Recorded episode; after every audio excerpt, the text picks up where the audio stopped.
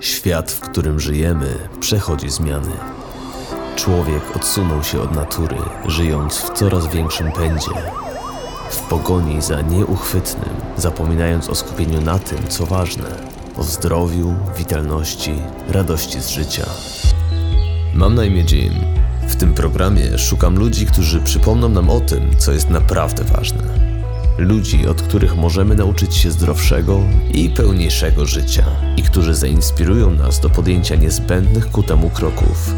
Zapraszam na ukłon natury. Dzisiejszy program powstaje we współpracy z marką Yango. Z tej strony James, słuchacie podcastu Ukłon Natury, a w dzisiejszym odcinku gościć będę edukatorkę i szkoleniowca w dziedzinie wychowania psów Izabelę Kozioł. Iza jest certyfikowanym instruktorem szkolenia psów i psim groomerem, a na co dzień dzieli się wiedzą i doświadczeniem, edukując swoich odbiorców w zdrowym podejściu do życia z ukochanymi czworonogami. Iza, witam Cię w Ukłonie Natury. Cześć, witam serdecznie. Bardzo miło, że mogę sobie tutaj dzisiaj z Wami porozmawiać. A mnie bardzo miło jest gościć Cię w programie.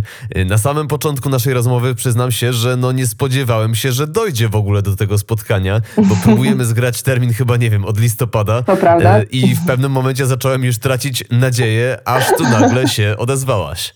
Tak, tak, udało się. Miałam troszkę zawirowań i ze zdrowiem, i z ilością pracy, ale już wracam do żywych i, i cisnę dalej, także to jest dobry moment na nasze spotkanie. Idealne. Ciśniemy więc razem. Tak y, powiem Ci, Iza, że jestem pod wielkim wrażeniem Twojego Instagrama i wszystkich informacji na temat prowadzenia psa, jakie tam przekazujesz.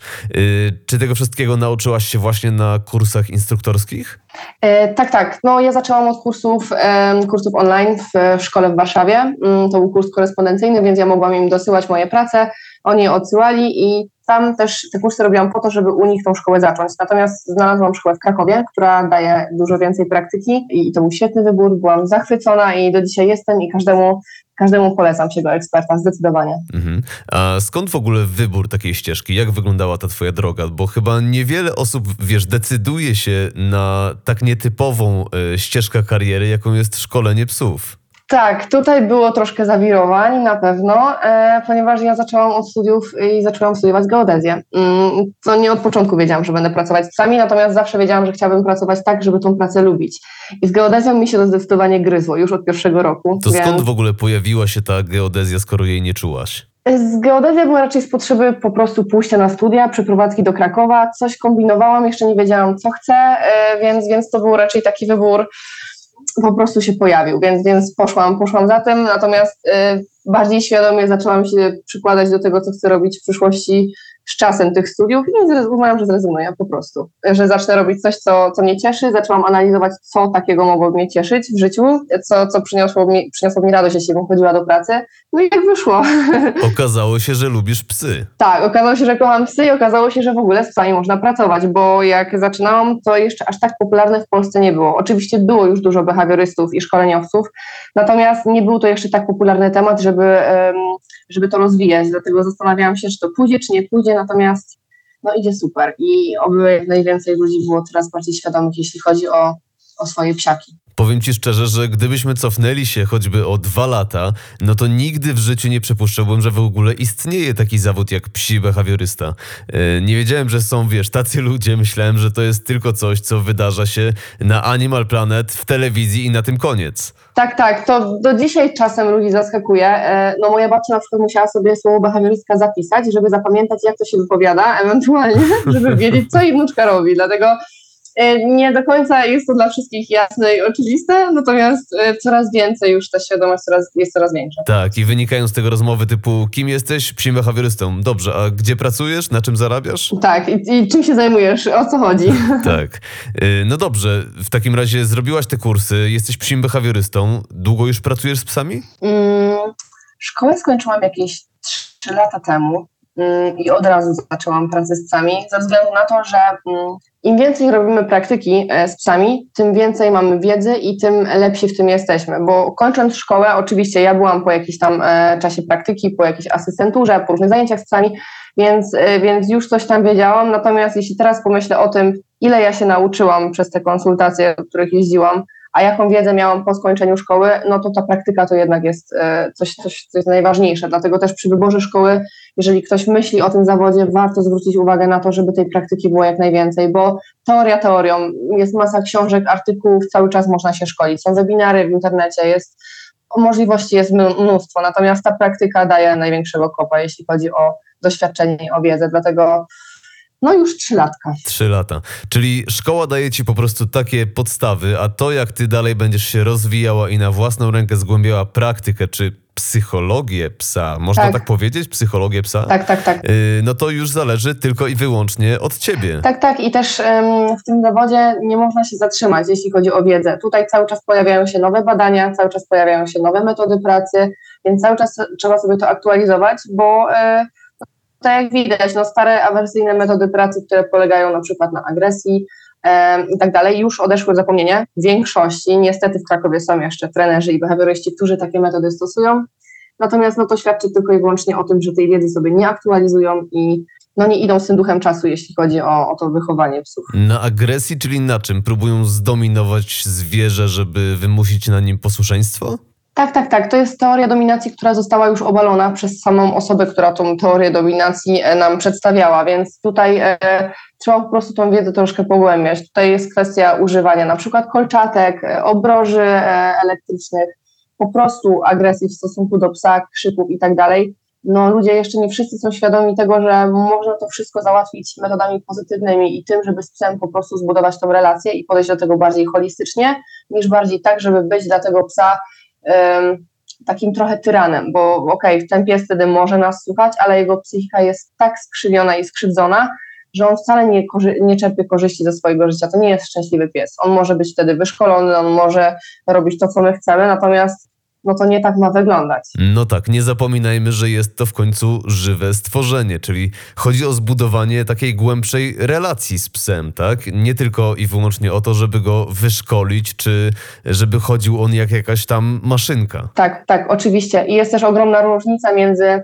wychowaniem psa, a szkoleniem psa. Mm, to są dwie różne sprawy, bo ktoś może chcieć wyszkolić psa i można to zrobić metodami pozytywnymi i budować z nim relacje i to jest super, jeżeli pies jest posłuszny i tak dalej. Nie ma w tym nic złego, tylko żeby to zrobić w ten właściwy sposób, żeby przy okazji ten pies jakoś na tym zyskał, żebyśmy na tym zyskali, żeby to wszystko było oparte na takiej właśnie zdrowej, pozytywnej relacji, a nie na stresie dla, dla tego psa, bo to jest, mm, no, to jest fatalne po prostu. Mm.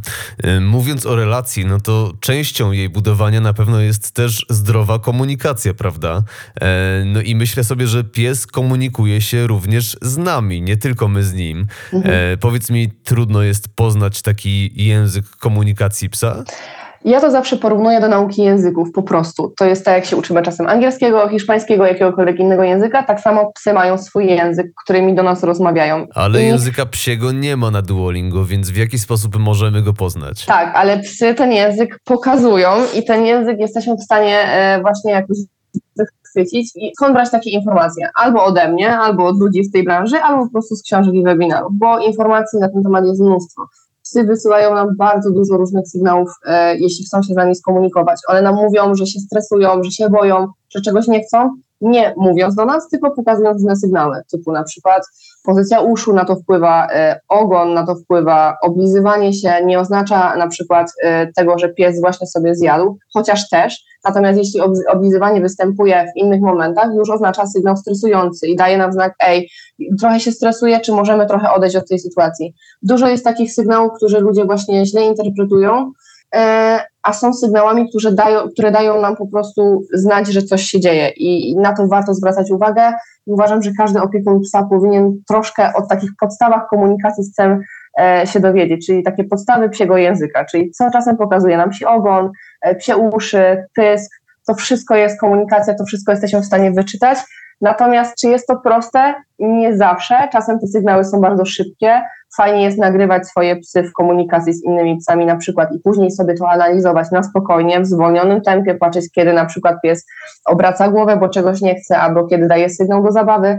Więc bardzo fajnie jest w ten sposób się tego uczyć. Ja też tak się tego uczyłam, bo nie zawsze jesteśmy w stanie od razu coś wychwycić i to trzeba po prostu analizować, obserwować i potem już jesteśmy w tym coraz lepsi. Mhm. I kiedy pracujesz z klientami, to właśnie zwracasz im uwagę na to, że no nie wiem, tu ich pies powiedzmy przekrzewił uszy w jakiś sposób, tutaj się oblizał. Tak, tak, tak. Ja uwielbiam zawsze to zaskoczenie, kiedy, kiedy moi klienci na przykład nie mieli pojęcia o tym, że ten pies w tym momencie otrzepał się, bo zrzucił z siebie na przykład emocje i, i to jest super i trzeba go na, za to pochwalić, bo było, było za dużo czegoś, więc, więc fajnie, jeśli ludzie na to reagują tak, ok, nie mieliśmy pojęcia, teraz będziemy zwracać na to uwagę, jeśli oni są zaciekawieni, bo chyba najlepsze w tej pracy jest to, że klienci od nowa zaczynają kochać swojego psa jeszcze bardziej. Albo w ogóle się tego uczą, bo czasem jest tak, że ktoś, ktoś dzwoni i mówi, że mój pies mi robi na złość, ja mam go dosyć, niech pani coś zrobi. A czasem jest tak, że ten pies nie robi na złość, tylko on w jakiś sposób po prostu pokazuje temu człowiekowi, czego, czego on potrzebuje, czego, jak ten człowiek może mu pomóc i tutaj dużo nie trzeba, żeby tą relację zbudować, żeby ten pies stał się fajnym towarzyszem i, i, traktował swojego człowieka jako takiego przewodnika, który faktycznie jest jego przewodnikiem, a nie tylko osobą, która karmi i wyprowadza. No właśnie, bo prawdziwa relacja opiera się, jak to powiedziałem wcześniej, na komunikacji, czyli wypowiadaniu, ale także na słuchaniu, czyli ważne jest wykształcenie w sobie pewnej umiejętności tego słuchania. Tak, tak, dokładnie. Yy, właściwie przypomina mi to dynamikę, która istnieje też pomiędzy ludźmi, tylko psy niekoniecznie korzystają z języka takiego jak ludzki, no i zamiast werbalizować swoje potrzeby czy emocje, po prostu je nam na swój sposób pokazują. Mhm. Yy, wiesz, ostatnio widziałem taki dokument na Netflixie na temat kotów, gdzie właśnie język kotów był rozszyfrowywany. Mhm. No i aż łapałem się za głowę, jakie zaawansowane przekazy może nam komunikować takie zwierzę. Oczywiście, ja też pamiętam, z jakim, jakim ja byłam w szoku, jak właśnie zaczęłam się dowiadywać, co oznacza właśnie takie oblizywanie, że na przykład warczenie nie zawsze oznacza to, że coś się zaraz wydarzy i że pies ostrzega przed atakiem. Warczenie na przykład podczas zabawy oznacza bawię się super, baw się ze mną dalej. I tutaj czasem ludzie nie wiedzą i czasem zdarza się, że na przykład ktoś do mnie dzwoni, mój pies jest agresywny podczas zabawy, bo na mnie warczy. Ja mówię, że już to dobrze, bo to jest dobra zabawa, nie przerywaj tego, baw się po prostu z tym psem, więc, więc są takie rzeczy, które czasem e, warto się dowiedzieć, jeśli chodzi o tą komunikację, bo może nam dużo ułatwić po prostu. Wspomniałaś wcześniej o zrzucaniu przez psa emocji poprzez otrzepywanie się. Mhm. Powiedz mi, co to znaczy zrzucanie emocji? To znaczy, że psy bardzo często potrafią się czymś nakręcić i nagle zaczyna się dużo dziać, pies sobie troszkę z tym nie radzi, jest tych emocji w nim dużo. I czasem trzeba psu troszkę pomóc te emocje uspokoić. Albo my możemy to zrobić w jakiś sposób, albo pies naturalnie sobie sam e, jest w stanie z tym poradzić. I właśnie takie otrzepywanie się e, czasem jest takim zrzuceniem emocji. Możemy na przykład zaobserwować, kiedy mm, psy się ze sobą obwąkują gdzieś na spacerze, na przykład się poznają i wtedy na przykład jak odchodzimy, pies się czasem otrzepie. To znaczy, że on właśnie zrzucił z siebie te emocje, które były podczas tego spotkania i na spokojnie możemy iść dalej. Więc, więc to jest akurat fajne zachowanie u psiaków i no potrzebne, na pewno. To chyba taka dosyć zdrowa aktywność, prawda? Tak. E, Wydaje tak, mi się, tak, że przydałaby się także wielu ludziom, którzy później nakręceni takimi emocjami, no mogą chodzić przez resztę dnia. Tak, tak, tak, tak, dokładnie. Dlatego tutaj warto, żeby jednak tym psiakom te emocje pomagać, troszkę, um, trochę im pomóc, żeby je opanować i, i żeby się troszkę wyluzowały. Nie zawsze to jest proste, natomiast jest to do zrobienia z większością psiaków. Super. Y, powiedz mi Iza, jak wyglądają takie specjalistyczne treningi dla zwierząt? One one się opierają tylko o współżycie z człowiekiem, czy może skupiają się też na rozwoju umiejętności psa, takich jak na przykład e, mhm. rozwój węchu, zręczność, treningi obronne? To znaczy, jeśli chodzi o treningi, to zawsze jest obopólna korzyść i to jest fantastyczne, bo tak, jeżeli pies idzie na zajęcia, jeżeli są na przykład zajęcia grupowe z innymi psami, to pies automatycznie uczy się socjalizacji z tymi innymi psami, um, uczy się, e, jak w ogóle się zachowywać w obecności takich psów, bo nie zawsze każdy pies jest od małego socjalizowany i umie te kontakty z innymi psami, e, na pewno podnosi to pewność siebie, na pewno e, pozytywnie męczy psa, więc to są, to jest bardzo dużo rzeczy, które super wpływają na psa, ale dodatkowo człowiek się uczy na tych szkoleniach, uczy się jak właśnie rozumieć swojego psa, jak się z nim porozumiewać, e, dodatkowo mm, no ten pies jest w końcu wyszkolony, tak, po takim wyszkoleniu, więc to jest korzyść i dla psa, i dla człowieka, bo pies jest pewniejszy siebie, wie, co ma robić, relacja z człowiekiem jest zbudowana dużo bardziej dzięki takim zajęciom, no a człowiek ma bardziej ułożonego e, psa, więc tutaj jest korzyść z dwóch stron. Mm, niekoniecznie muszą to być zajęcia grupowe, czasem normalne zajęcia oczywiście też. Ja bardzo często, mm, jak jeżdżę na konsultacje, to jest tak pół na pół. Czasem to jest praca z człowiekiem bardziej, i wytłumaczenie mu niektórych zachowań, bo pies nie robi tak naprawdę nic złego, tylko tutaj trzeba człowiekowi wytłumaczyć, co można zmienić, żeby to polepszyć, a czasem jest typowo szkolenie e, psiaka, czyli uczymy jakiś komend, uczymy, e, chodzimy na jakieś spacery socjalizacyjne, spacery równoległe, różne rzeczy są. Zawsze to jest korzyść dla obu stron i, tutaj to będę zawsze podkreślać, że to nie jest e, to nie jest tak, że człowiek się czegoś uczy, albo tylko pies się czegoś uczy, to zawsze jest zawsze jest obopólna korzyść. Mhm.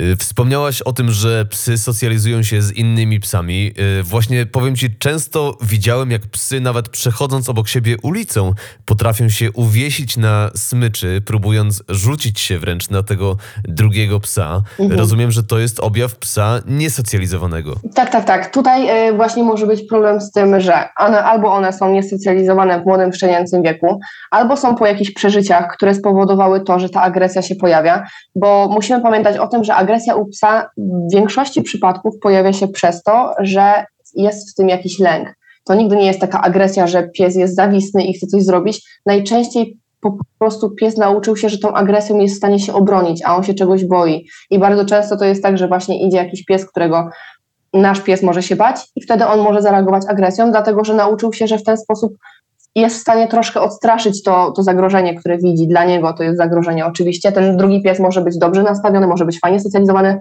może wysyłać dobre sygnały do, tego psa, natomiast nasz pies może w tym czasie no, nie czuć się komfortowo i zaatakować. Tutaj trzeba podejść bardzo indywidualnie do sytuacji, bo naprawdę powodów może być bardzo dużo. Czasem jest to agresja smyczowa, czasem, e, czasem właśnie ludzie nie, nie zdają sobie sprawy z tego, że jeżeli pozwalają się już psom obwąchiwać, Mm, to po pierwsze, one niekoniecznie muszą się polubić, tak jak z ludźmi jest. Nie wszyscy muszą lubić każdego, więc psy mają to samo. E, I musimy też pamiętać o tym, żeby na przykład w momencie przywitania tych psów ta smycz nie była napięta. Jeśli ona jest napięta, automatycznie w psie też buduje się jakieś napięcie i wtedy jest większa szansa, że ten pies zareaguje agresywnie, niż że przywita się normalnie, naturalnie. Tutaj jest kwestia tego, jak znamy swoje psy, na co im pozwalamy, ale jeżeli jest problem z każdym mijanym pieskiem, no to tutaj warto się zgłosić do specjalisty i na tym popracować, bo i my się tym stresujemy, i pies się tym stresuje, więc to jest bez sensu. A psy też bardzo czują nasze emocje I, i ja to też widzę na przykład, jeśli jestem bardziej zestresowana, widzę, że ten pies bardziej reaguje, czuję ten moje, moje hormony, czuję ten kortyzol, który się y, wydziela z mojego organizmu, więc automatycznie no, e, tutaj trzeba zwracać na to uwagę, że, że jednak psy czują to, co my czujemy i reagują też na to. Mhm. Y, mówisz, że psy też wysyłają sygnały pomiędzy sobą i tutaj mhm. jeden pies może wysyłać pozytywne sygnały drugiemu psu, a mhm. ten drugi i tak może zareagować agresywnie. Mhm. Y, czy to znaczy, że psy może też nie do końca potrafią się nawzajem czytać? Oczywiście, ta komunikacja jest zawsze do nauczenia i w momencie, kiedy bierzemy psiaka, który powiedzmy ma od 8 do 10 tygodni, bo zazwyczaj w takim czasie bierzemy e, psy, jeżeli bierzemy szczeniaka, i odbieramy go od matki. Warto, żeby nie było to wcześniej, ważne, żeby nie było wcześniej. Wtedy my się musimy skupić na tym, żeby nauczyć tego psa komunikacji. On musi chodzić właśnie na jakieś spotkania z innymi psami. Fajnie jest wtedy iść na psie przedszkole, to jest świetna sprawa dla szczeniaków i zawsze będę to polecać, bo to są zajęcia grupowe dla szczeniaków właśnie, gdzie ta komunikacja jest e, rozwijana u psów jeżeli mm, weźmiemy szczeniaka przed ósmym tygodniem życia od matki, to najczęściej jest problem z tą komunikacją. On jeszcze nie do końca jest nauczony wszystkich rzeczy, nie do końca wie, że na przykład jeśli inny pies, nie wiem, obraca głowę w bok, to on nie do końca chce tego kontaktu, więc więc tak, tutaj nie wszystkie psy mają super zdolność komunikacji, nie wszystkie psy umią się komunikować, natomiast yy, no, ludzie tacy jak ja są od tego, żeby im troszkę w tym pomóc, żeby im pomóc e, się nauczyć tego i żeby im się żyło troszkę łatwiej w tym świecie. Jasne. Wiele osób planuje teraz adopcję psa od maleńkości. Mam wrażenie, że tak. teraz z nadchodzącą wiosną to znowu zaraz będzie jakiś boom na świeże adopcje. Mhm. Y, z tego co słyszę, niestety sporo z takich młodych psów ląduje jednak też w schroniskach, no bo człowiek nie poradził sobie z obowiązkami. Tak, y, tak. W jaki sposób jako właściciele psów możemy pracować ze szczeniakiem, żeby właściwie pokierować jego młodą, żywą energią i żeby to wyzwanie nas po prostu nie przerosło? No przede wszystkim biorąc szczeniaka, zawsze to powtarzam, trzeba mieć w głowie świadomość, że bierzemy do domu trochę dwuletnie dziecko, bo trochę te zachowania się łączą. Trzeba mieć oczy dookoła głowy, prawdopodobnie będziemy budzeni w nocy co chwilę z jakichś powodów, możliwe, że będzie coś nasikane, pogryzione, trzeba pochować kable, jakieś zabawki, które mogą być zjedzone. Bardzo często ludzi to po prostu przerasta, ludzie sobie nie zdają sprawy. Myślą, że biorą pieska i on będzie słodki i on szybko będzie ułożony. Czasem tak jest, czasem jest tak, że pies szybko łapie i jest perfekcyjnym szczeniakiem, ale no nie można się na to nastawić. Jest bardzo różnie z tym, więc Mm, więc tutaj najważniejsza jest ta świadomość tego, że nie czeka nas łatwy czas, że to będzie przyjemny czas, uroczy, natomiast pracowity i wymagający. I tutaj trzeba sobie zdawać sprawę, czy są szczeniakami do szóstego miesiąca swojego życia. I te pierwsze miesiące u nas w domu to naprawdę czasem jest hardcore. I z różnymi opiniami od klientów się spotykałam, do różnych szczeniaków jeździłam. Natomiast zawsze pomaga spotkanie właśnie albo indywidualne z, z behawiorystą, z trenerem, albo właśnie przy psie przedszkole. To jest sprawa doskonała zawsze, bo pies nie dość, że uczy się niektórych rzeczy, takich podstawowych, których szczeniak powinien się nauczyć, więc nie musimy tego robić na własną rękę w domu. Plus automatycznie ten szczeniak też poznaje inne psy, socjalizuje się z nimi, uczy się tej komunikacji, więc tutaj jest bardzo dużo plusów takiego psiego przedszkola, natomiast można to też robić na własną rękę, jak najbardziej, tylko wszystko jest, zawsze jest zależne od chęci. Jeżeli ktoś ma chęci, żeby się dowiedzieć i nauczyć, to to nie będzie problem, tylko po prostu trzeba mieć tą świadomość, że to jest konieczne. Mhm. Y, do szóstego miesiąca to wcale nie brzmi jak jakiś taki przesadnie długi okres czasu. Nie brzmi, natomiast po szóstym miesiącu zaczyna się okres psiego nastolatka, który czasem jest jeszcze bardziej hardkorowy, ponieważ tutaj już y, pojawiają się hormony, tutaj już pojawia się większe szaleństwo, bardzo często tutaj to posłuszeństwo, które było nauczone, jak się było szczeniakiem, czasem zanika, czasem pojawiają się różne lęki, które trzeba wypracować. E, natomiast tutaj już jest bardziej ten pies e, nauczony takich podstaw, nie? Już tutaj e, wychodzimy na spacerki regularnie, już tutaj regulujemy jedzenie, karmienie, już prawdopodobnie ten pies jest nauczony czystości, także takie podstawy, podstawy są ogarnięte i lecimy z, z ogarnięciem zachowania i tej właśnie nastoletniej energii u piesków. Czyli są podstawy, na których budujemy, na których pracujemy, no i chyba jest to też porównywalne z okresem dojrzewania człowieka, tak? tak, tak Kiedy tak. jest bunt i może jakaś próba dominacji? Mm, nie przepalam na słowem dominacja, ponieważ ta teoria dominacji już została obalona, więc uważanie, e, że pies może być samcem alfa albo może nas dominować jest kompletnie błędne, bo skupmy się na tym, jeżeli Mm, pies jest zależny od nas, jest zależny od tego, kiedy dostanie jedzenie, kiedy wyjdzie na spacer, e, kiedy zrobi cokolwiek, wszystko jest zależne od nas, no ciężko, żeby nas dominował. To zacznijmy od tego. Jeśli chodzi o tą dominację też, e, to jest, rozumiem, jeżeli ktoś mówi o samcach alfa i o dominacji w przypadku wilków na przykład, bo jest bardzo dużo badań na ten temat, natomiast psy są już od dawna udomowione, i to zupełnie wygląda inaczej w ich przypadku. Tutaj jest kwestia tylko tego, żeby postawić jasne zasady, żeby się ich trzymać. Niekoniecznie, e, nie wiem, krzywdząc jakoś psa albo pokazywać mu to, że jesteś od niego lepsi i silniejsi. Tu jest wszystko kwestią zbudowania dobrej relacji i jasnych zasad.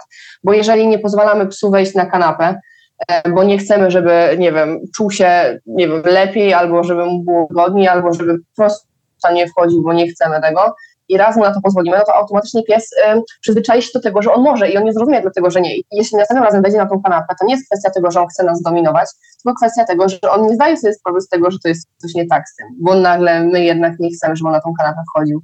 No jeżeli na coś się zgadzamy, to nie jesteśmy w stanie psu wytłumaczyć, że na przykład w weekendy możesz wejść na tą kanapę, ale w tygodniu już nie. No tutaj muszą być zasady jasne. I tak samo jest na przykład, nie wiem, z dokarmianiem przy stole, jeżeli raz już sprzedamy takie jedzenie, e, coś dokarmimy, to pies bardzo szybko i inteligentnie załapie, że no następnym razem pewnie też mu się uda, tylko prawdopodobnie spróbuje pojęczeć albo ponudzić troszkę dłużej, aż się uda, a bardzo często ludzie ulegają i później no później jestem ja i później przyjeżdżam naprawiać te problemy. Czyli przy wychowaniu psa po prostu bardzo liczy się konsekwencja, tak? I to, żeby nie było odstępstw od zasad, które już raz ustanowimy. Tak, tak, tak, dokładnie, bo czasem jak się pojawiają takie odstępstwa, to później właśnie ludzie mówią, że pies próbował nas dominować, albo że on sam próbuje decydować. Oczywiście psy są bardzo mądre i one wiedzą, kiedy mogą coś na człowieku wymusić, natomiast jeżeli mamy konkretne zasady i ta relacja jest fajnie budowana, no tutaj nie ma mowy o żadnej dominacji i takich jakichś sygnałach ze strony psa. Mhm. A skąd w ogóle wzięła się ta teoria samca alfa i dlaczego tak długo była ona wśród właścicieli psów teorią funkcjonującą? Generalnie to się wszystko wzięło od wilków, bo wilki w swoim stadzie mają właśnie samca alfa, mają jakieś tam próby dominacji i tak dalej. Tutaj trzeba się już zagłębić mocniej w ten temat, on jest bardzo długi i obszerny więc, więc tak go tylko szybko skrócę. A z racji tego, że psy to są troszkę takie udomowione wilki i to z latami właśnie działo się tak, że one się udomowiały, ale dalej są mimo wszystko powiązane, no ludzie powiązywali je właśnie z, z, z, tym, że dalej jest jakaś e, dominacja, jest samiec alfa w domu, że, że tutaj trzeba pokazać swoją wyższość nad psem, że trzeba być ważniejszym, silniejszym i trzeba pokazać psu, że jest słaby, zły i w ogóle e, my jesteśmy tutaj najważniejsi. Okej, okay. i faktycznie są metody, które się sprawdzają, jeśli chodzi o te teorie dominacji i one są awersyjne, one są dla psa mm, właśnie nieprzyjemne, natomiast są czasem skuteczne, bo pies przez to, że już ta psychika mu się łamie, automatycznie czasem człowiekowi ulega. I ludzie widzą szybko efekty, dlatego to poszło tak w świat, bo to jest atrakcyjne, bo to szybko przynosi efekt, bo, bo nagle problem znika. Natomiast y, nikt nie zagłębiał się wtedy w to, co się dzieje w psim umyśle wtedy i jak to może wyglądać za jakiś czas, za kilka lat na przykład ten pies. Y, może nie wytrzymać i może zaatakować, bo już będzie tak poirytowany i tak wykończony psychicznie, że, że już po prostu przestanie nad sobą panować różne rzeczy mogą się zadziać.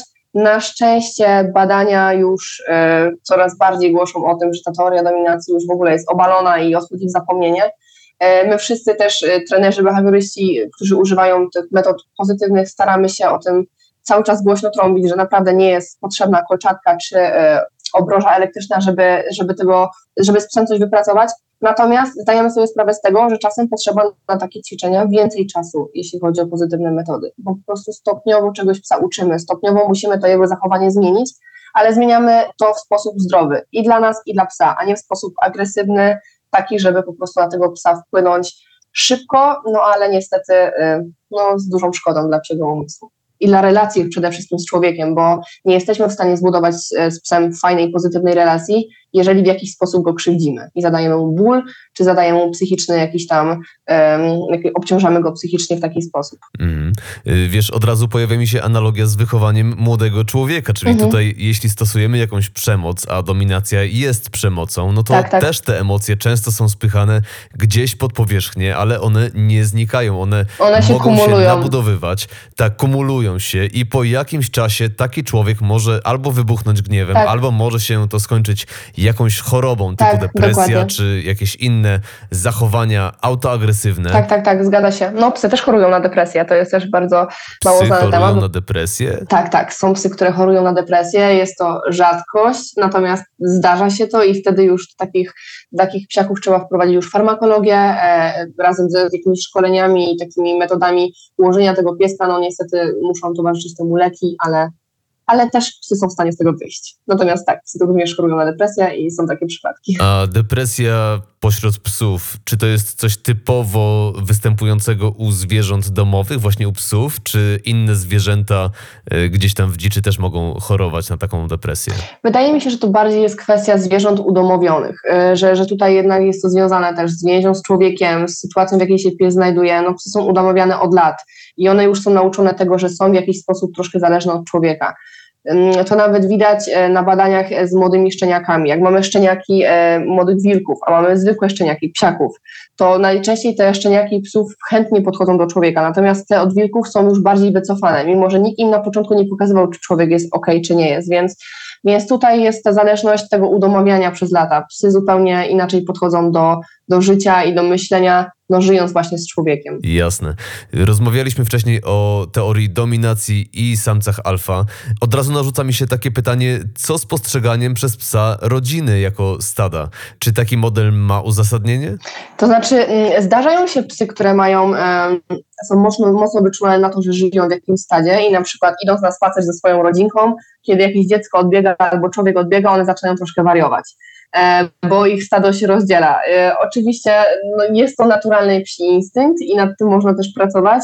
E, bardzo często są też psy zaganiające, które na przykład są stworzone do tego, żeby mm, żeby pasać, żeby, żeby zaganiać na przykład zwierzęta, więc jak one widzą dużo ludzi e, w jakimś skupisku i one się rozchodzą, też zaczynają dostawać, zaczynają wariować i po prostu chcą tych ludzi zagonić, e, żeby, żeby mieć ten spokój w sobie, a to są ich naturalne instynkty i potrzeby. Czyli ludzie do zagrody i będę spokojny. Tak, i będę spokojny. Oczywiście, no psy mają... Mm, ze względu na rasy psy mają różnie rozwinięty łańcuch łowiecki, czyli niektóre, u niektórych psów ten łańcuch łowiecki zatrzymuje się na samym tropieniu, u niektórych się zatrzymuje na tym, żeby coś rozszarpać i wtedy te psy są spełnione. E, inne psy na przykład chcą coś e, zaaportować i coś przynieść i mają taką potrzebę. Tutaj jest kwestia tego, żeby się skupić, jakie ten pies ma predyspozycje, jakie ma uwarunkowania genetyczne i jak może mu pomóc, żeby on się czuł spełniony, bo można takie rzeczy zastępować, na przykład, y, nie wiem, są tropiącym, można po prostu robić super długie wycieczki i jakieś zabawy węszenia. Jeżeli pies lubi aportować, to też możemy takie ćwiczenia zorganizować i wtedy te psy są spokojniejsze, spełnione i te instynkty są po prostu wyciszone troszeczkę, zdrowo wyciszone, bo jeżeli my ich nie wyciszamy, jeżeli nad nimi nie pracujemy, no to tutaj często pojawia się frustracja i właśnie jakieś problemy behawioralne z różnych powodów, bo pies potrzebuje coś zrobić, bo się nudzi na przykład, mm, więc, więc tutaj warto się na tym skupić, biorąc psiaka czy ze schroniska, czy po prostu myśląc o szczeniaku. Mhm. A idąc właśnie tym tropem, y, czy to są rzeczy, które powinniśmy zaobserwować u psa i na tej podstawie je dalej rozwijać, czy może psa, który ma naturalne predyspozycje na przykład do węszenia, y, chcemy tak czy inaczej nauczyć aportować, bo nas to bawi, to czy jest to właściwa ścieżka, żeby uczyć go tego aportowania, czy może lepiej zostawić wtedy aportowanie i skupić się tylko na węszeniu? To znaczy, yy, wiadomo, że lepiej się skupić na węszeniu, ale to nie znaczy, że nie można psa też nauczyć tego abortowania, jeżeli mamy na to ochotę, bo każda nauka, każda interakcja nasza z psem automatycznie też buduje pewność siebie psa i naszą relację z psem. Więc czegokolwiek chcemy psa nauczyć, jeżeli to jest oczywiście dla psa bezpieczne i pies się nie frustruje, tylko chętnie się tego uczy, no to jest jak najbardziej na plus. Natomiast nie każdego psa będziemy w stanie tego aportowania nauczyć. Po prostu są psy, które tego nie chcą robić, nie będzie to dla nich interesujące ani atrakcyjne, no i, i tyle. I musimy sobie zdawać z tego sprawę, że pies to nie jest zabawka, którą wyszkolimy tak, jak będziemy po prostu chcieli. E, i będzie robił wszystko, co chcemy. Mm, jeżeli bierzemy psa aportującego, to jesteśmy świadomi tego, że prawdopodobnie będzie chodził po mieszkaniu z naszymi skarpetkami w pysku albo z kapciami i tak dalej. I tu trzeba mieć tego świadomość. Na przykład, jeśli mamy psa e, tropiącego, e, który ma te długie uszy, które zaganiają mu zapachy do, e, do pyska tymi uszami, no to automatycznie musimy sobie zdawać sprawę, że te spacery będą długie, że będzie dużo węszenia, że tutaj musimy się skupić bardziej na, na zabawach węchowych, Możemy iść na zajęcia z noseworku, gdzie ten pies coś może wytropić i to też świetnie działa na psi umysł. Więc, więc wszystko jest kwestią tego, jakiego psiaka bierzemy i warto się na tym skupić, zanim go weźmiemy, żeby wiedzieć, w jakim typie jest i jakie może mieć potrzeby. Zajęcia z noseworku? Tak, tak, tak. To są zajęcia, gdzie piesek pokazuje nam, e, co wywęszył, ma różne zapachy pochowane, uczymy go wtedy właśnie pracować nosem, uczymy mu pokazywać, i wychwytywać jakieś zapachy konkretne, na przykład, nie wiem, tutaj jest kawałek cynamonu, tutaj jest, y, nie wiem, kawałek lawendy, czegoś, tam jakaś, nie wiem, szyneczka. Uczymy psa tego, żeby na przykład yy, potrafił wychwycić sam cynamon, nie? I w ten sposób na przykład uczy się też psy tropić, nie wiem, czy narkotyki, czy jakieś zakazane substancje, więc w ten sposób można fajnie z tym popracować, a trzeba pamiętać o tym, że mm, węszenie u psa męczy go trzy razy bardziej niż bieganie i spala też trzy razy więcej kalorii niż bieganie. Jak to? No tak, to właśnie dlatego, że psy mają tak mocno wykształcone nosy i to są tak świetne narzędzia, że, e, że jeżeli chcemy zmęczyć psa, no to lepiej, mu za, e, lepiej go zmęczyć właśnie zabawami węchowymi, i taką stymulacją właśnie tego nosa niż bieganiem z nim. I tak to po prostu działa. Też byłam zaskoczona. Czyli to angażuje tyle obszarów w mózgu, że nie wiem, zwiększa się jakoś ten wydatek energetyczny?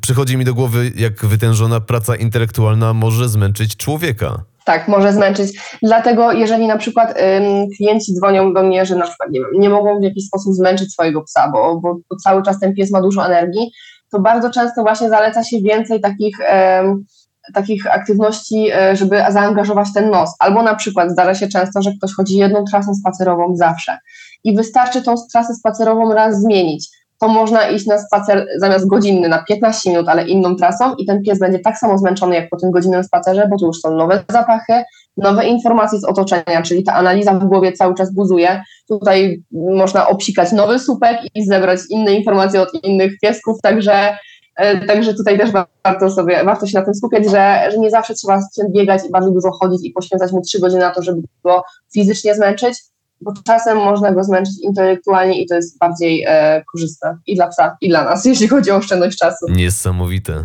A powiedz mi, to wszystko, co się widzi od dziecka w bajkach czy w filmach, że dasz takiemu psu czyjąś skarpetkę i on będzie w stanie wywęszyć czy wytropić, którędy ta osoba na przykład szła wcześniej po osiedlu. Y, czy jest w tym prawda? Tak, oczywiście, że tak. I są psy, które są stworzone do tego, żeby coś wytropić. Są na przykład psy policyjne, które na przykład właśnie tropią czasem ofiary, które gdzieś są w pobliżu i one naprawdę potrafią ostry trop złapać. E, są to zajęcia stropienia i są to typowe właśnie zajęcia takie, że, że na przykład uczymy psa tego, że jak właściciel się chowa gdzieś tam w lesie, to pies uczy, go, y, uczy się go wytropić po zapachu. I to są świetne zajęcia i też genialnie działają na psi umysł i, i właśnie na takie pozytywne zmęczenie, więc, więc jak najbardziej. To są niesamowite stworzenia i, i są w stanie dużo tym nosem zrobić. Niezwykłe. Y, Iza, rozmawialiśmy wcześniej o adopcji psów i o tym, jak teraz z nadejściem wiosny prawdopodobnie będziemy obserwować coraz więcej małych psiaków na polskich ulicach. A powiedz mi, co z psami ze schroniska? Bo to są zazwyczaj, wiesz, dorosłe osobniki, które mają już jakieś swoje przyzwyczajenia, a prawdopodobnie i traumy, z którymi będziemy musieli się zmierzyć. Więc w jaki sposób podejść do wychowania takiego psa ze schroniska? No tutaj przede wszystkim warto zorganizować wcześniej spotkania z tym psem. To nie jest tak, że jedziemy do schroniska od razu jakiegoś psa bierzemy. Warto go wcześniej poznać, warto z wolontariuszami wyjść na kilka spotkań zapoznawczych, warto się od nich też dowiedzieć coś na temat tego psa, bo niektóre rzeczy, mm, bardzo często spotykam się z klientami, którzy do nie do końca świadomie wzięli psa mm, ze schroniska i to jest największy błąd, bo nie mieli pojęcia o tym, że na przykład ten pies coś tam kiedyś przeżył ciężkiego i że mogą się pojawić niektóre zachowania do których po prostu nie chcemy. Niektórzy są tego świadomi, ale mówią, a dobra, jakoś sobie damy radę. No tutaj trzeba się przygotować na to, że czeka nas praca nad psem. Dlatego ja uwielbiam wszystkie akcje Nie kupuj, adoptuj, natomiast nie każdy y, da sobie radę z psem ze schroniska. Więc jeżeli ktoś chce sobie kupić psa rasowego, bo uważa, że nie wiem, nie jest w stanie y, pracować nad traumami, lękami i po prostu sobie nie poradzi, to, to też jest ok. Natomiast jeżeli ktoś chce psa ze schroniska, jest świadomy tego, ile czeka go pracy, no to, to super, to, to bardzo chętnie pomogę i, i popracujmy nad tym. Więc, y, więc tutaj na to trzeba zwrócić uwagę. Mm, to też nie jest tak, że im pies jest starszy, tym ciężej jest go czegoś nauczyć. Oczywiście niektóre traumy i zachowania są wzmocnione przez lata, więc oczywiście, że ciężej jest y, je wypracować. Natomiast to nie jest tak, że y, im starszy jest pies, tym, tym w ogóle że się prawie nie da nic z tym zrobić, że, że tutaj już nie podlega próbom pracy, że najlepiej się pracuje ze szczeniakami albo z młodymi psami. No niekoniecznie. Miałam, miałam klientów, którzy mieli po 10 lat, po 8, 13 lat nawet kiedyś był piesek, który naprawdę nauczył się nowego życia i dość szybko to poszło. Tutaj zawsze jest, e, zawsze powtarzam, że to jest kwestia zaangażowania właścicieli i systematyczności. Bo jeżeli ja na przykład zalecam jakieś ćwiczenia i je pokazuję i ktoś je poćwiczy raz w miesiącu czy dwa razy w miesiącu i nie ma efektów, no wiadomo, że nie ma efektów. No tutaj trzeba jednak się skupić na tym, żeby to było regularnie, systematycznie i wtedy od razu temu psu pomagamy dużo szybciej. No oczywiście trzeba się przygotować na to, że mogą się też niektóre zachowania pojawić dopiero z czasem. Zdarza się, że wolontariusze na przykład mówią nam o wszystkim, ale pies po miesiącu życia, życia w domu troszkę się otwiera, troszkę łapie zaufanie i wychodzą inne jeszcze zachowania niepożądane. I wtedy warto po prostu e, cisnąć dalej i się nie poddawać, bo niestety część osób po prostu takie psiaki oddaje i uważa, że nie wiem, że schronisko ich oszukało, bo pies wcale taki nie był na spotkaniach, albo, albo to jest zupełnie inny pies niż jak go poznaliśmy, jak go wzięliśmy. No oczywiście, że tak. Pies się otwiera, pies jest w nowym środowisku, łapie nowe umiejętności, także tutaj trzeba pamiętać o tym, że to może być inny pies za jakiś czas. Mhm. Jakie zachowania mogą się pojawić u takiego straumatyzowanego psa? Y, jak to w ogóle rozpoznać? Wiesz co, bardzo dużo. Warto wypytać o jak najwięcej rzeczy wolontariuszy właśnie w schronisku, czy ten pies y, radzi sobie z zostawaniem samemu w domu, bo bardzo często pojawiają się lęki separacyjne u takich piesków na przykład, bo pies nagle y, ma nowy dom, nagle ma rodzinę, do której się przywiązuje, i nagle jest do niej tak mocno przywiązany, że nie potrafi już sam zostać w domu. I to się często też zdarza. Bardzo często jest to, e, są to pieski po prostu lękowe, którym potrzeba pomóc budować pewność siebie troszeczkę. Dlatego one na przykład, nie wiem, boją się wyjścia na klatkę, boją się windy, boją się wyjścia na, na zewnątrz, boją się przejeżdżających samochodów, tramwajów. Tutaj jest właśnie ten problem z socjalizacją e, w okresie szczenięcym. Mm, może pojawić się też czasem agresja, może się pojawić jakaś obrona zasobów na przykład, bo pies nigdy na przykład nie miał dostępu do jedzenia, więc automatycznie jak nagle ma ten dostęp do jedzenia, to go broni, albo na przykład bardzo szybko zjada jedzenie, co jest dla niego też niebezpieczne, e, więc trzeba tutaj się skupić na tym, żeby go nauczyć jeść pomalutku i się tym troszkę rozkoszować, niż po prostu złapać wszystko, żeby jakby, jakby zaraz miało zabraknąć, więc to są najczęściej właśnie takie zachowania, takiego psa, który nie do końca poznał e, fajne życie, nie do końca wie, że człowiek jest fajny i że można mu zaufać. To już są cięższe przypadki, jeżeli z człowiekiem jest problem, bo tutaj już naprawdę to zaufanie trzeba budować i budować. Ja sama kiedyś wzięłam na dom tymczasowy e, psa, który dopiero po dwóch tygodniach do mnie podszedł i dał się pogłaskać. Więc, więc to naprawdę trwa i tutaj naprawdę trzeba się skupić i zaangażować. No kwestia tego, na co jesteśmy w stanie sobie pozwolić, żebyśmy też nie wzięli na siebie za dużo, żebyśmy odpowiednio przeprowadzili ten wywiad ze schroniskiem i jak najwięcej informacji zebrali. Mhm. A nie będąc psim psychologiem, czy jesteśmy w ogóle w stanie poradzić sobie z takim straumatyzowanym psem? No bo to mogą być dosyć głębokie rany na tej psiej duszy. Tak, tak, tylko mm, wiesz co, czasem jest tak, że mm, są jakieś proste problemy typu, nie wiem, pies ciągnie na smyczy. Nie jesteśmy w stanie sobie to wypracować nawet radami z internetu, bo jest ich tam dużo. Oczywiście czasem jest tak, że rady z internetu nie działają i ludzie pytają dlaczego. No dlatego, że tutaj trzeba do każdego psa podejść indywidualnie i musimy po prostu podać przyczynę, zanim weźmiemy się za problem i to jest zawsze klucz jeżeli pies ciągnie na smyczy, bo po prostu, nie wiem, chce dojść do jakiegoś zapachu, ok, no możemy go uczyć tej samokontroli, ale jeżeli ciągnie, bo jest za dużo emocji, bo on się czegoś boi, bo chce szybko wrócić do domu, no tu są zawsze różne przyczyny i też różne rozwiązania tego problemu, po prostu. Mhm. A jak zdobyć zaufanie takiego psa? Mm, wiesz co, ja przede wszystkim zawsze zwracam uwagę na to, żeby, żeby tu pies miał wybór, czy on chce na przykład do nas podejść, czy on chce być pogłaskany, bo jeżeli my idziemy od razu do tego psa i go chcemy głaskać, on się czasem kuli, no to nie jest sygnał dla nas, że on czerpie z tego przyjemność, to my czerpiemy z tego przyjemność, więc automatycznie jesteśmy wtedy troszkę egoistyczni, bo, bo ten pies tego nie chce, więc, więc to zaufanie właśnie w ten sposób stopniowo budujemy. Fajnie jest dawać posiłek z ręki na przykład, żeby on wiedział, że żeby on kojarzył nas czymś pozytywnym, żeby on mm, wiedział, że, że tutaj nie ma zagrożenia, że to jest coś fajnego, że teraz jest fajny moment i on automatycznie kojarzy ten moment właśnie z człowiekiem, z nami. Więc, więc są różne, różne sposoby. Fajnie jest uczyć psa właśnie jakichś podstawowych komend, żeby ta relacja się właśnie um, zazębiała. Jeżeli pies zobaczy, że wykonał coś, o co nam chodziło i dostanie za to nagrodę, to automatycznie już się czuje super fajny, ta pewność siebie rośnie i też relacja z człowiekiem jest budowana dużo, dużo, dużo bardziej, więc więc tutaj na tym bym się skupiła, żeby te, temu psu dać przestrzeń, żeby od niego wymagać, ale na tyle, na ile on jest w stanie sobie pozwolić na ten moment. Super.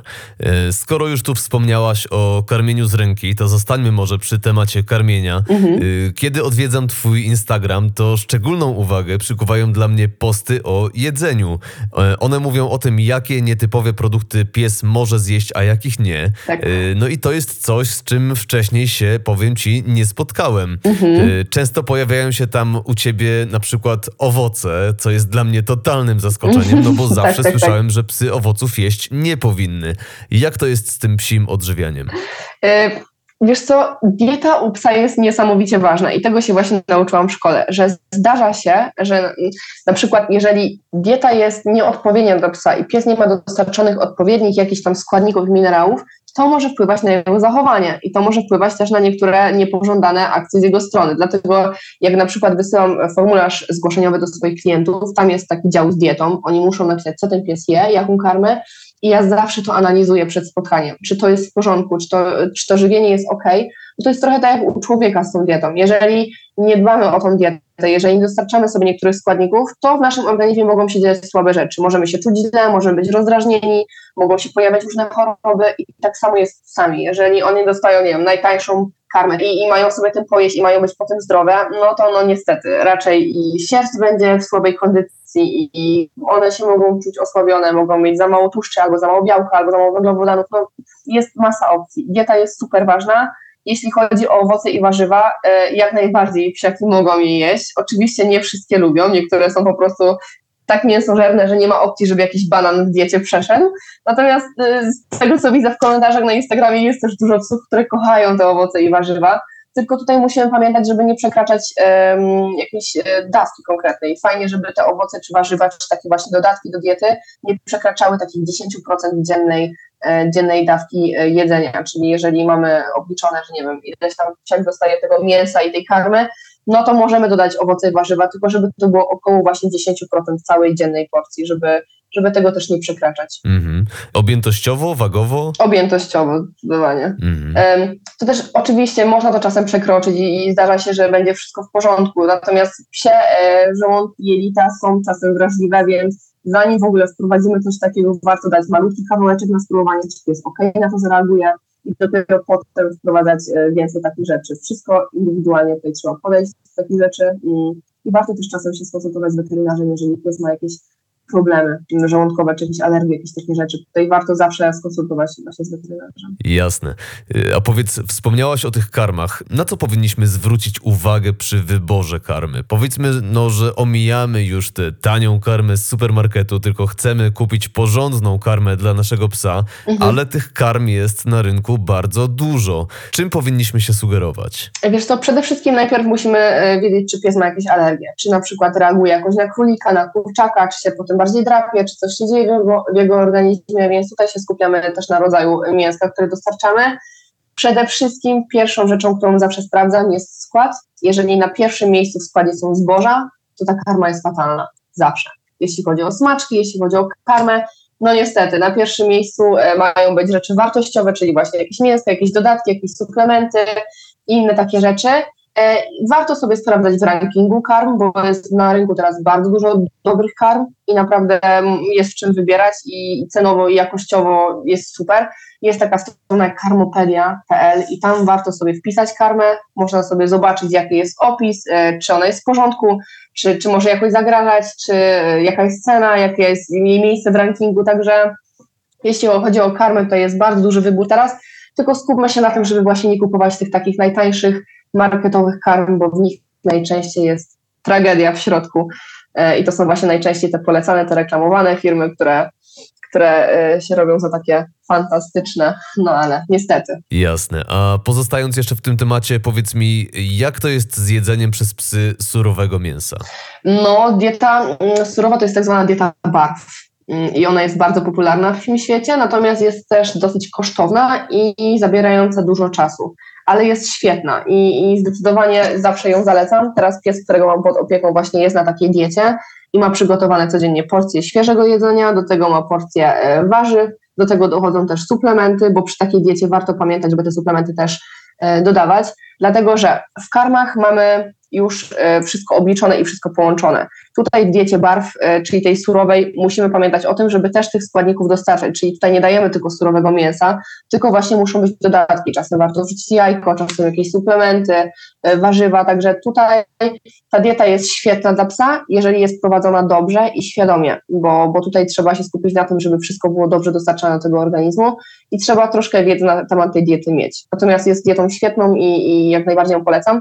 Nie jest co prawda dietą tanią, e, no ale, ale warto. Jasne. A czy są jacyś psi dietetycy, z którymi możemy taką dietę skonsultować? Tak, tak, jak najbardziej. Jest już na rynku coraz więcej psich dietetyków, także, także tutaj kwestia, żeby poszukać jakiegoś w swoim mieście. Na Instagramie też widzę, że, że coraz więcej jest takich kont, które właśnie mówią o tym żywieniu i, i jesteśmy w stanie dużo przeczytać. No i są też książki. Książek jest też masa, jeśli chodzi o psy, jeśli chodzi o wychowanie, o żywienie, więc, więc yy, źródeł wiedzy jest dużo, tylko wystarczy chcieć. Wystarczy chcieć. Wiesz, zaciekawiłaś mnie też tymi suplementami dla psów. Y, czy to są takie same produkty suplementacyjne, jakie są przeznaczone też dla człowieka, tylko na przykład zmieniamy dawki? Jak to wygląda? E, tak, często. Na przykład miałam psa, który musiał sobie suplementować wapń, miałam e, ostopes na przykład, więc, więc tutaj są takie rzeczy, które też ludzie normalnie zażywają. Spirulina jest też bardzo fajna dla psów na przykład, dla, dla ludzi też jest super zdrowa. E, są jajka na przykład jako suplement e, też w proszku sprzedawane bardzo często, jakieś rzeczy nastawy, także jest tego dużo. CBD na przykład jest też suplementem, chociaż ja nazywam to troszkę lekiem bardziej niż suplementem. Natomiast są to rzeczy, które też ludzie właśnie jedzą i ludziom pomagają, tak samo jak właśnie te owoce i warzywa zawsze mówię, że nie warto porównywać psy do ludzi, bo to są zawsze inne zachowania, natomiast w kwestii żywienia jest dużo podobieństw. No właśnie, to CBD to też jest coś, co zauważyłem w Twoim przekazie w mediach społecznościowych. Y, dlaczego warto je stosować? Jak to działa w przypadku psa? O matko, tutaj jest masa plusów. Ja sama nie wierzyłam, jak zaczęłam się zagłębiać w ten temat na początku, bo ja sama e, indywidualnie używałam CBD już od jakiegoś czasu, natomiast jak zaczęłam czytać o tym, że, że psy też mogą i zagłębiać się w te badania, no byłam w szoku. I to dużym szoku, dlatego że że korzyści to jest masa I, i bardzo często na przykład jak mam psy lękowe, mm, zalecam to CBD, bo to bardzo pomaga. Czasem te lęki wyciszyć. Natomiast nie zawsze i czasem jest tak, że ktoś mówi, że nie widzi efektu. No widocznie stężenie na przykład było dobrane za słabe dla tego pieska, albo y, dawkę trzeba troszkę zwiększyć, albo na przykład, nie wiem, nie, olejek nie był podawany regularnie, dlatego ten pies jeszcze aż tak na niego nie zareagował. Są też oczywiście psy, które reagują po pierwszej dawce, na przykład w Sylwestra. Ja miałam klientkę, która zaaplikowała psu kilka kropelek CBD i była ogromna różnica, jeśli chodzi o ten stres y, podczas fajerwerek, więc to fajnie psa wycisza. Ale jeśli chodzi mm, o takie mm, korzyści zdrowotne, to, to, to jest w ogóle masa. Jeżeli mamy psa starszego, który już pomału ma demencję i, i, i chce mu jakoś pomóc, no to olejek CBD genialnie działa i na stany zapalne w organizmie, i na stawy, jeśli chodzi o psa. Jeżeli mamy psa z alergiami, bardzo fajnie jest zastosować olejek CBD, bo on może je troszeczkę wyciszać. E, są też ludzie, którzy mówią, że, że te alergie po prostu zniknęły, więc, więc są też takie przypadki. E, na pewno pomaga w wyciszaniu komórek nowotworowych. Niestety badania pokazują, że 50% psów może mieć nowotwór. Więc tutaj warto ten olej CBD aplikować, dlatego że po prostu zdecydowanie zmniejszamy ryzyko właśnie e, występowania tych nowotworów, a jeżeli chodzi o psy, nie wiem, z padaczką, e, które mają z tym problem, tutaj jest najwięcej badań potwierdzających, że ta padaczka jest wyciszona, czasem po prostu wyleczona, czasem nie trzeba jakichś leków i innych rzeczy, tylko to CBD naprawdę działa świetnie.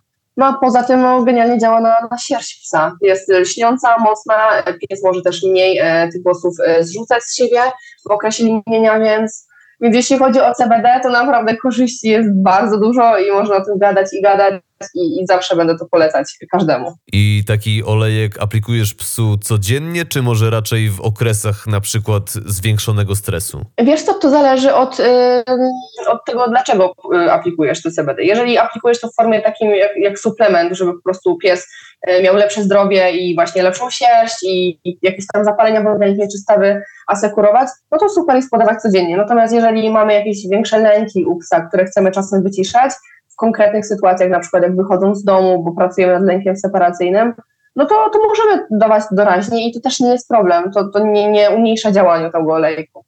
Więc, więc to jest świetne. Natomiast no, jeśli chodzi o, o ludzi, tutaj trzeba jeszcze edukować, ponieważ nie każdy zdaje sobie sprawę, że CBD to nie jest THC, i to nie jest coś, co psa może w jakiś sposób ogłupić, albo no, pies nigdy nie będzie na haju po CBD. Generalnie to może tylko i wyłącznie pomóc, e, to nie wpływa na zachowanie, e, takie, że pies nie będzie ogarniał, co się dzieje, ani, ani na przykład przestanie słuchać, czy, czy po prostu, nie wiem, będzie za bardzo wychillowany. No, no nie, nie działa to w ten sposób. Natomiast można oczywiście przesadzić z dawką i wtedy widzimy to na przykład po tym, że pies pije dużo więcej wody niż zazwyczaj i wtedy troszkę schodzimy z tej dawki, żeby, żeby nie miał jej za dużo. Natomiast to nigdy nie jest jakaś faza, na której jest pies i nie ogłupiamy go w ten sposób. To wszystko działa z korzyścią dla zdrowia. Czyli raczej nie będzie tak, że pies będzie powiedzmy za bardzo uspokojony. Nie, nie, nie. To nie jest lek usypiający, to nie jest lek uspokajający. Mm, od tego są weterynarze i farmakologia i oczywiście są takie leki, w niektórych przypadkach są potrzebne, Natomiast CBD nie, zdecydowanie nie. On da psu taki relaks wewnętrzny, natomiast pies nie będzie ogłupiony i śpiący po tym cały czas. Czyli możemy to bezpiecznie stosować w miarę regularnie, suplementacyjnie, y, czyli na przykład podawać psu codziennie, tak? Tak, fajnie jest dawać codziennie, oczywiście, natomiast zdaję sobie sprawę z tego, że nie jest to tania rzecz i, i po prostu czasem klienci wolą e, wolą stosować to doraźnie i to też jest ok, i to też jest skuteczne. Jeżeli kogoś stać na to, żeby dawać psu olej CBD codziennie, no to fantastycznie. Jeżeli nie i, i sporadycznie, to też jest w porządku. Bo, bo zdaję sobie sprawę z tego, że no, ceny tych olejków nie są tanie, tym bardziej, że często klienci biorą olejek i dla siebie, i dla swojego psa, e, a dla psa czasem warto wziąć inny olejek, ponieważ mm, smak CBD jest dla psów średnio atrakcyjny, Dlatego dla psów są tworzone olejki CBD z mieszanką oleju z łososia na przykład. Wtedy jak już pies poczuje tą rybkę, to już chętniej ten olejek CBD przyswoi. No a czasem trzeba kombinować jak z tabletkami, typu gdzieś coś zawinąć albo w czymś umoczyć ten olejek, żeby po prostu ten pies sprytnie to zjadł, nie wiedząc co ja. Jasne. A ten mieszany z olejem z łososia to co? Po prostu podaje się psu kropelki na język? Tak, tak, tak. No najważniejsze, żeby nie dać tego do wody psiej, bo pies może to językiem po prostu wychlapać i tego olejku nie przyswoić. Mhm. Ja najczęściej dodaję kilka kropelek do jedzenia, do psiej miski i to mieszam, wtedy to w ogóle jest niewyczuwalne. Jeżeli pies to lubi, to po prostu sobie z tej pipetki oblizuje te kropelki, które, które wychodzą. Czasem można dać psu na dziąsła, jeżeli jest na tyle cierpliwy i okej okay z tym, że, że to przyjmie. Natomiast ważne, żeby właśnie nie dać tego do wody. Czasem można dać na smaczek, na przykład dwie kropelki, więc też, też to jest atrakcyjne. No, sposobów jest dużo, tylko trzeba się skupić na tym, żeby pies tego nie wychlapał i faktycznie to przyswoił, no bo szkoda. Pewnie. Y, Iza, jesteś też psim groomerem. Tak. Y, Co to właściwie znaczy? No to jest po prostu psi fryzjer, więc zdarza mi się jeździć i robić są szalone, piękne fryzury. Natomiast ja się skupiłam bardziej na szkoleniach i na opiece nad psami, jeśli chodzi o, o takie strzyżenia, zdarza mi się jeździć, e, natomiast głównie e, z dojazdem do klientów, do psiaków, które są przerażone na przykład wizytami u groomerów e, gdzieś w salonie. Bo dużo psów ma różne doświadczenia z, z groomerami, często to są to jakieś lęki, czasem pojawia się agresja podczas takiego strzyżenia, E, Więc jeżeli ktoś chce zapewnić troszkę większy komfort, to po prostu przyjeżdżam do domu i wtedy ktoś, pies jest na swoim terenie, też czuje się bardziej komfortowo. Mm, Też czasem jest tak, że przyjeżdżam tylko po to, żeby tego psa oswajać z tymi zabiegami, czyli ja w ogóle nie robię tego strzyżenia, ale jadę z całym sprzętem dlatego, żeby mm, troszkę odwrażliwić ten stres, czyli puszczamy maszynkę, karmimy pieska, bawimy się z nim, możemy go postawić na stół i go zaraz ściągnąć, żeby on po prostu mm, pomału łapał, że to nie jest nic strasznego i na przyszłość bał się coraz mniej, bo, bo niestety psy bardzo średnio przypadają za takimi zabiegami. Jeżeli groomer ma świadomość psiej psychologii i, e, i wie, że psa pasuje z tym oswoić i nie robić nic na siłę, no to, no to świetnie. Natomiast no, no jeszcze nie jest to aż tak, e, tak popularne w tym środowisku i bardzo często te psy są po prostu zestresowane na takich zabiegach. Czyli warto mieć kontakt z takim groomerem, który jest też psim psychologiem, tak jak ty. Albo po prostu z takim groomerem, który zdaje sobie sprawę z tego, że na przykład pierwsze spotkanie robią e, takie oswajające. Jest coraz więcej salonów wprowadząc taką pierwszą wizytę zapoznawczą, żeby ten pies skojarzył sobie to miejsce pozytywnie, żeby nie było tak, że on przyszedł w nowe miejsce, jest dużo stresu, jest dużo nowych zapachów z otoczenia, bo tam jest pełno innych piesków albo po prostu zapachów po innych pieskach i trzeba sprawić, że to, ta pierwsza wizyta jest fantastycznym doświadczeniem dla niego. Albo mogą się tam właśnie psy bawić, albo mogą sobie coś zjeść, one są wtedy uczone tego dźwięku maszynki albo przykładania maszynki do ciała delikatnego. To nie jest od razu wszystko robione w takim stresie, tylko, tylko właśnie stopniowo jest to oswajane, więc jeżeli szukamy jakiegoś salonu albo groomera, no to warto na pierwszą wizytę umówić się na taką właśnie zapoznawczą, taką oswajającą. Jasne. Wiesz, kiedy mówimy o psich fryzurach, to jedyne z czym mi się to kojarzy, to są pudle. Y, Inne psy też są strzyżone? Tak, tak, jak najbardziej. E, Yorki e, są strzyżone, Shih Tzu są strzyżone, e, Westy na przykład są trymowane. Trymowanie to akurat jest wyciąganie włosów, a niekoniecznie strzyżenie. Jest bardzo dużo raz. No, pundelki są też takie, że zależy w jakim typie są i po jakich rodzicach, ale też często wymagają na przykład strzyżenia. Więc, więc tak, tak, tak. Zdecydowanie nie tylko pudle. E, masa psów e, teraz jest strzyżona. Też bardzo często, coraz częściej ludzie jeżdżą do takich salonów groomerskich, żeby po prostu psa wykąpać, wyczesać, podciąć gdzieś tam niektóre włoski przy łapkach i tak dalej. Natomiast jeżeli pies ma sierść, a nie włosy i ktoś chce go ogolić, no to, no to nie jest dobry pomysł i też trzeba mieć świadomość tego, żeby mu to odradzić. Czyli niektóre psy mają włosy zamiast sierści? Tak, zgadza się. Wybacz moją ignorancję, ja po prostu naprawdę się na tym nie znam. Tak, tak, tak. Są, e, jest różny po prostu rodzaj włosa. Są psy, które mają szorstkie włosy, które mają, e, które mają właśnie po prostu włosy, które mają sierść, więc na przykład jeżeli mamy takiego berneńskiego psa pasterskiego, który ma masa sierści, zdarzyło mi się, że zadzwoniła do mnie klientka, która chciała go ogolić w lecie, żeby mu było chłodniej. Natomiast ona nie była świadoma tego, że w momencie, kiedy my tego psa ogolimy, zabieramy mu tą warstwę ochronną przed słońcem. On może wtedy dostać udaru, poparzenia skóry i jemu wtedy może być dwa razy bardziej gorąco niż w tej grubej sierści, którą ma, bo ona go właśnie chroni przed słońcem, więc jeżeli mamy takiego klienta, to najpierw trzeba ocenić, jaki to jest włos i co możemy z nim zrobić. Czy on jest do strzyżenia, czy on jest tylko do, nie wiem, wykąpania i wyczesania, czy on jest do trymowania, więc tutaj trzeba, no różne rodzaje włosów są. Możesz być zaskoczony, ale, ale tak, faktycznie tutaj temat jest dosyć obszerny. Super. Wow, Iza, naprawdę ogromem wiedzy się tutaj dzisiaj ze mną podzieliłaś. Y, Dziękuję Ci za to. Bardzo się cieszę. Mam nadzieję, że osoby, które mają na co dzień kontakt z psami lub które planują adopcję psa, zainspirują się tą rozmową, żeby dowiedzieć się czegoś więcej, żeby może lepiej przemyśleć pewne sprawy i umówić się oczywiście z psim szkoleniowcem. E, a na koniec mam do Ciebie jeszcze ostatnie pytanie, które zadaję wszystkim moim gościom. Okej, dobra. Ukłon natury to przede wszystkim wiedza na temat zdrowszego i pełniejszego życia, dlatego chciałbym, abyś biorąc pod uwagę całą swoją perspektywę i doświadczenie, przekazała naszym słuchaczom trzy praktyczne wskazówki, dzięki którym ty sama żyjesz lepiej, zdrowiej i pełniej. No dobra, dla mnie najważniejszy jest zawsze w życiu balans, więc jeżeli bardzo dużo pracuję, też bardzo dużo muszę mieć przyjemności w życiu, więc na tym się zawsze skupiam i to polecam każdemu, bo czasem ktoś się trochę zakręci w ten wir pracy i mimo tego, że ta praca sprawia mu przyjemność i jest tą pracą z pasją, to mimo wszystko jest to jakieś zmęczenie, więc warto pamiętać o tym, żeby sobie, e, żeby sobie też tych przyjemności w życiu dawać, mimo tej ilości pracy.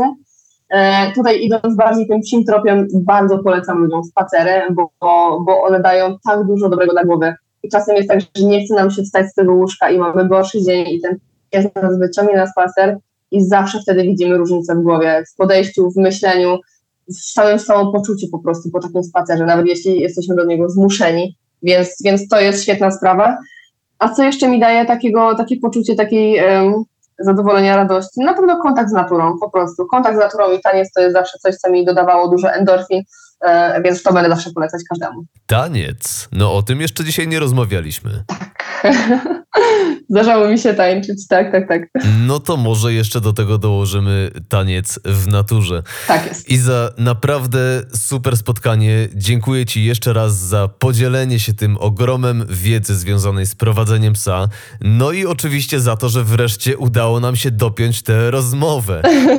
Też się cieszę, w końcu. W końcu, po wielu miesiącach. Tak jest. Mam nadzieję, że dużo informacji przekazałam, które, które posłużą innym, także, także bardzo się cieszę. Myślę, że jest to idealny czas na przekazanie właśnie takich informacji. Wejście w wiosnę e, to jest to. Tak jest. Na koniec powiedz jeszcze naszym słuchaczom, w jaki sposób mogą znaleźć Cię w internecie i jak Cię złapać, jeśli chodzi o współpracę z Tobą w roli szkoleniowca psów w Krakowie. E, w Krakowie jestem właściwie dostępna na obszarze całego miasta, bo zawsze dojadę tam, gdzie trzeba, także tutaj nie ma problemu. E, kontaktować się ze mną można właśnie przez Instagrama psychology.org albo przez stronę internetową, tam jest też formularz zgłoszeniowy, e, no ewentualnie na Facebooku. Także dróg jest dużo, tam są też numery kontaktowe do mnie, mail, no i serdecznie zapraszam. Super. Y, wszystkie linki oczywiście zamieszczę w opisie odcinka, więc każdy, kto będzie chciał, może sobie wygodnie kliknąć, przejść od razu na Twojego Instagrama, do czego serdecznie zachęcam. A na dzisiaj ode mnie to już wszystko. Ja mam na imię Jim, moim gościem była dziś Izabela Kozioł. Słuchaliście programu Ukłon Natury, a po więcej informacji zapraszam oczywiście na stronę internetową www.yango.pl. Dzięki Iza. Dziękuję bardzo.